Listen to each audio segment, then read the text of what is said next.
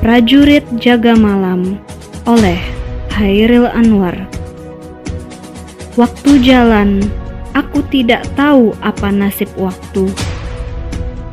Pemuda-pemuda yang lincah, tua-tua keras. Bermata tajam, mimpinya kemerdekaan. Bintang-bintangnya kepastian ada di sisiku selama menjaga daerah mati ini. Suka pada mereka yang berani hidup. Aku suka pada mereka yang masuk menemu malam. Malam yang berwangi mimpi, terlucut debu.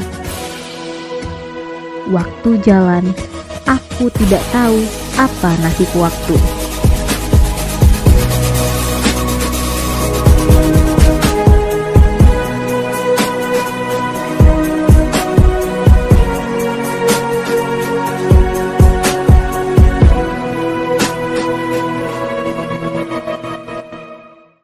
Dengerin puisi tadi, rasanya tuh kayak kembali ke zaman dulu ya, Mai. Kayak mengingatkan pada masa-masa perjuangan pahlawan dulu. Iya, kayak aku tuh kayak berada di lorong waktu nggak sih? Kayak kita berada di situasi itu. Uh, ternyata pemuda-pemuda zaman dulu itu bukan hanya sekedar kayak mikirin hari ini mau nongkrong di mana, hari ini mau ajakin jalan siapa, tapi lebih kayak uh, bagaimana mereka ini menyatukan seluruh pemuda-pemuda yang ada di Indonesia untuk mengusir para penjajah yang ada di tanah kita sendiri gitu loh. Hmm, puisi yang kita bacakan tadi itu kan uh, dari mendiang Hairil Anwar. Puisi-puisinya tuh menyentuh hati banget ya. Iya, karena memang beliau ini terkenal sebagai sastrawan Indonesia terkenal di eranya gitu bahkan beliau punya julukan sebagai binatang jalang.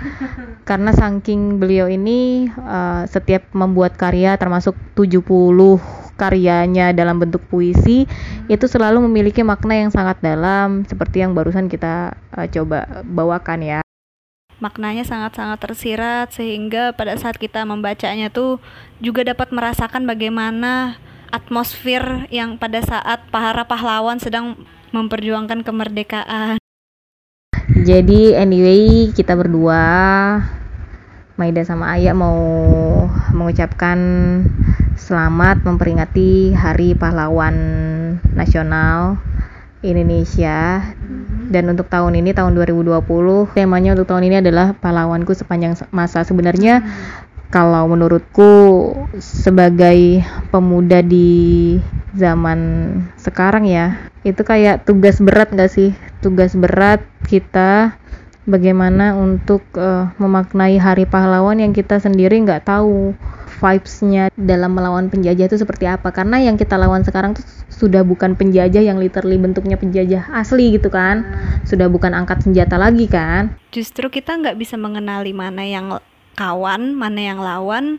Ya, kita nggak pernah tahu siapa yang bisa menjatuhkan kita siapa yang di luar sana tuh banyak penghasut-penghasut di luar sana yang orang kita sendiri sebenarnya. Yes, jadi uh, mungkin untuk kita lebih uh, menghargai jasa-jasa pahlawan kita terdahulu, kita harus mengurangi untuk mempercayai berita-berita hoax agar tidak terjadi perpecahan. Tidak gampang tergiring isu-isu yang sedang terjadi hanya untuk menjadi pengalihan isu. Sebenarnya ada isu-isu yang lebih penting harus kita waspadai, yang harus kita melek Betul, tidak menjadi provokator di sosial media itu sangat penting. Karena seperti yang di-mention sama Ayah tadi kalau sekarang itu penjajahnya itu tidak kelihatan, bahkan bisa jadi uh, sesama kita sendiri masyarakat Indonesia itu malah menjadi musuh kita sendiri. Padahal harusnya kita tuh saling berbondong-bondong merangkul satu sama lain untuk membuat negara kita tuh menjadi lebih kuat dengan rasa nasionalisme yang kita punya. Iya, jadi kayak sebenarnya hidup di zaman era milenial seperti sekarang ini tantangan terbesarnya tuh banyak loh. Yang pertama tadi sudah disebutkan dimention sama Ayah kalau uh, musuhnya itu tidak terlihat bahkan musuhnya itu bisa jadi uh, sesama masyarakat Indonesia sendiri. Makanya ada yang disebut musuh dalam selimut. Ada juga provokator yang memecah belah masyarakat Indonesia dengan isu-isu agama, mohon maaf. Seperti kasus-kasus terdahulu ya. Bahkan agama sebenarnya agama tidak bisa dikaitkan dalam politik tapi karena ada provokator-provokator yang memanfaatkan situasi sehingga mencuatlah kasus tersebut. Yes, jadi PR terbesar atau tantangan terbesar pemuda-pemuda masa kini adalah bagaimana kita mempersatukan pemuda-pemuda saat ini agar tidak terpecah belah dan menimbulkan rasa nasionalisme, menumbuhkan rasa nasionalisme di setiap masyarakat Indonesia. Kadang-kadang rasanya sudah memudar, rasanya memudar karena misal fanatisme etnis gitu, merasa etnisnya lebih baik daripada etnis tertentu atau merasa agamanya lebih baik daripada agama tertentu. Sebenarnya bagaimana sih kita memaknai Hari Pahlawan di kondisi modern sekarang? Menurutku ya Mai, kayak seperti katamu tadi, Hari Pahlawan itu juga bisa di mana kita mengenang jasa-jasa pahlawan terdahulu, orang-orang yang berjuang dalam memerdekakan kebenaran, terus juga mempertaruhkan nyawanya. Coba deh kita buka lagi lembar sejarah waktu kita sekolah. Mereka itu para pejuang HAM, proklamator, nasionalismenya tinggi. Kita bisa mencontohi seperti pahlawan perempuan ya, R.A. Kartini. Beliau kan contoh bagaimana bisa terjadi emansipasi wanita. Berbeda pada zaman dulu wanita dianggap seperti apa. Kalau sekarang kan wanita sudah bisa memperjuangkan haknya. Ada yang namanya kesetaraan gender. Ada juga pahlawan yang bernama Dewi Sartika. Beliau itu pengajar perempuan pertama di Indonesia. Dia mendirikan sekolah untuk perempuan yang pertama kali di negara Indonesia. Nah, kalau kamu gimana, Mai? Jadi dua pahlawan tadi adalah pahlawan panutanmu ya maksudnya ya hmm. kalau aku sih uh, kagum banget sama bapak mendiang B.J. Habibie juga karena beliau itu juga merupakan salah satu pahlawan panutanku kenapa beliau ini adalah orang yang pertama kali membuat uh, nama Indonesia itu harum hmm. di dunia karena Bapak mendiang B.J. Habibie adalah satu-satunya pemuda Indonesia yang bisa membuat pesawat. Yeah. Jadi beliau ini disebutkan membuat beberapa karya. Salah satunya pesawat R80. Kemudian ada pesawat N250 dan dan beliau juga merumuskan teori crack pada saat kuliah di Jerman. Jadi beliau ini adalah sosok yang benar-benar menjadi panutan pemuda-pemuda Indonesia. Betapa tidak harusnya kita sebagai pemuda Indonesia itu tidak hanya belajar di luar negeri, tapi membuat sesuatu yang bisa bermanfaat di negara kita sendiri. Buktinya kita bisa mencontoh Pak B.J. Habibie, beliau tidak tidak kerasan atau tidak nyaman di negara orang, tapi beliau kembali ke negara Indonesia dan membangun negara Indonesia kembali begitu. Walaupun menurut catatan sejarah Pak B.J. Habibie memang tidak sempat uh, menjabat lama sebagai presiden Republik Indonesia tapi bagi aku pribadi mendiang B.J. Habibie adalah uh, panutan yang sangat luar biasa di sisi uh, pemudanya ya dengan ilmu yang dimilikinya gitu kalau melihat juga dari sisi kepribadiannya ya beliau ini tuh punya kisah cinta yang sangat luar biasa. Banyak sekali quotes-quotes yang kita itu masih ingat ya sampai sekarang. Beliau beliau mengatakan kepada uh, halayak ramai di uh, talk show uh, Mata Najwa contohnya beliau menyebutkan kisah cintanya bersama Ainun. Beliau punya quote seperti ini. Masa lalu kamu adalah milik kamu, masa depan adalah milik kita. Hmm. Jadi intinya adalah beliau ini mengatakan bahwa pasangan itu satu sampai mati. Bahkan pernah uh, suatu ketika uh, Ibu Ainun sudah pergi dahulu mendahului Pak Biji Habibie.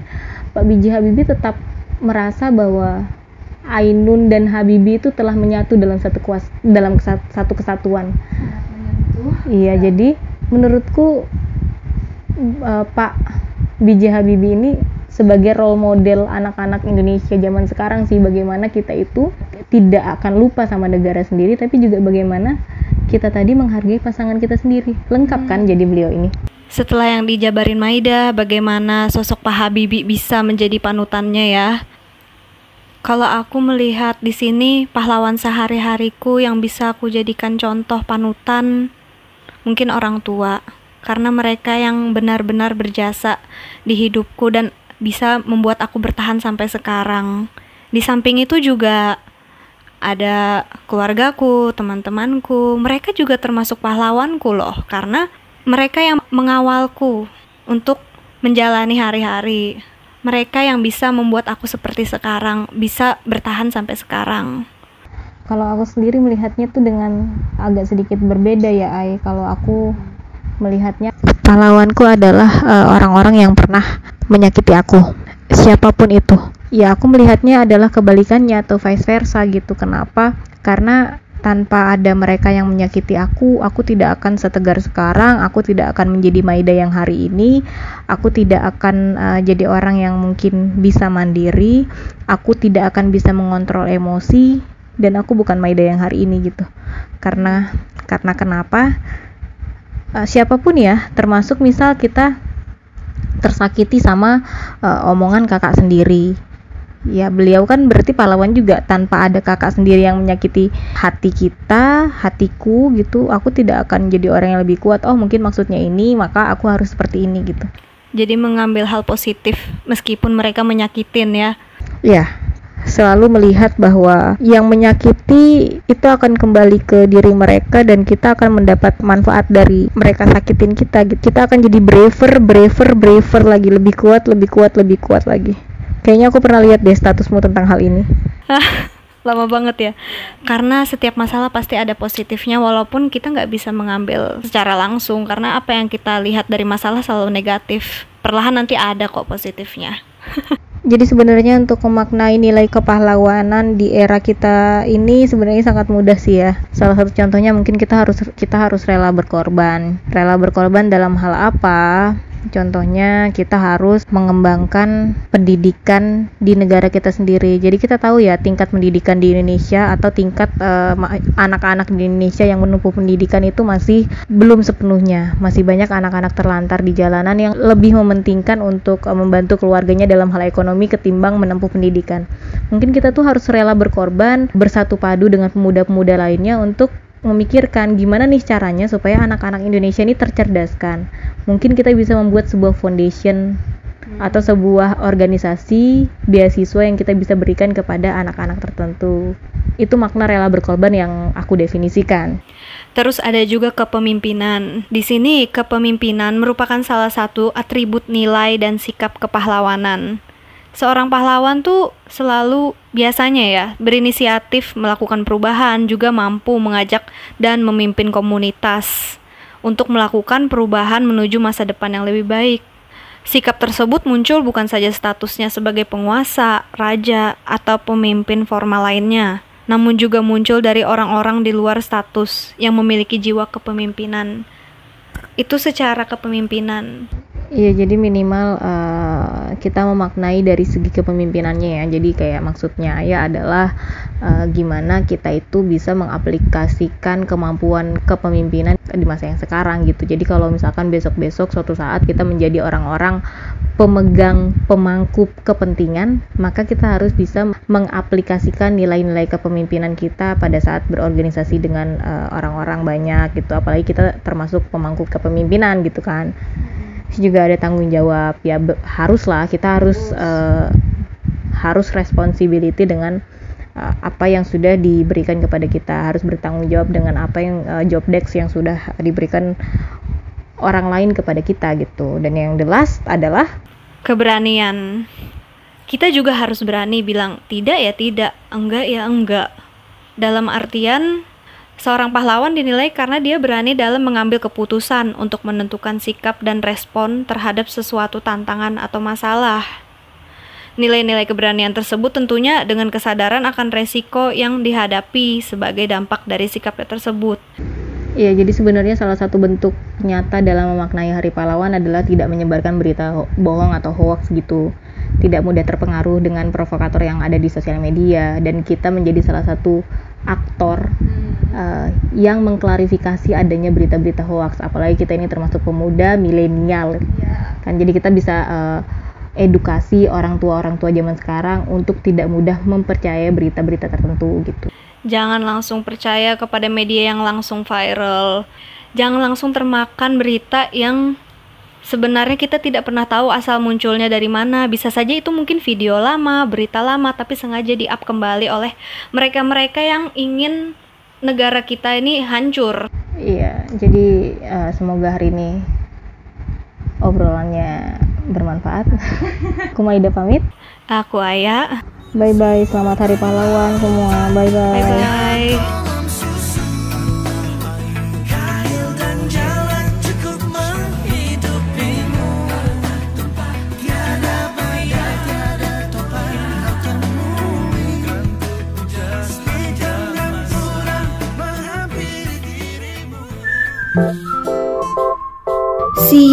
Next week, teman-teman online.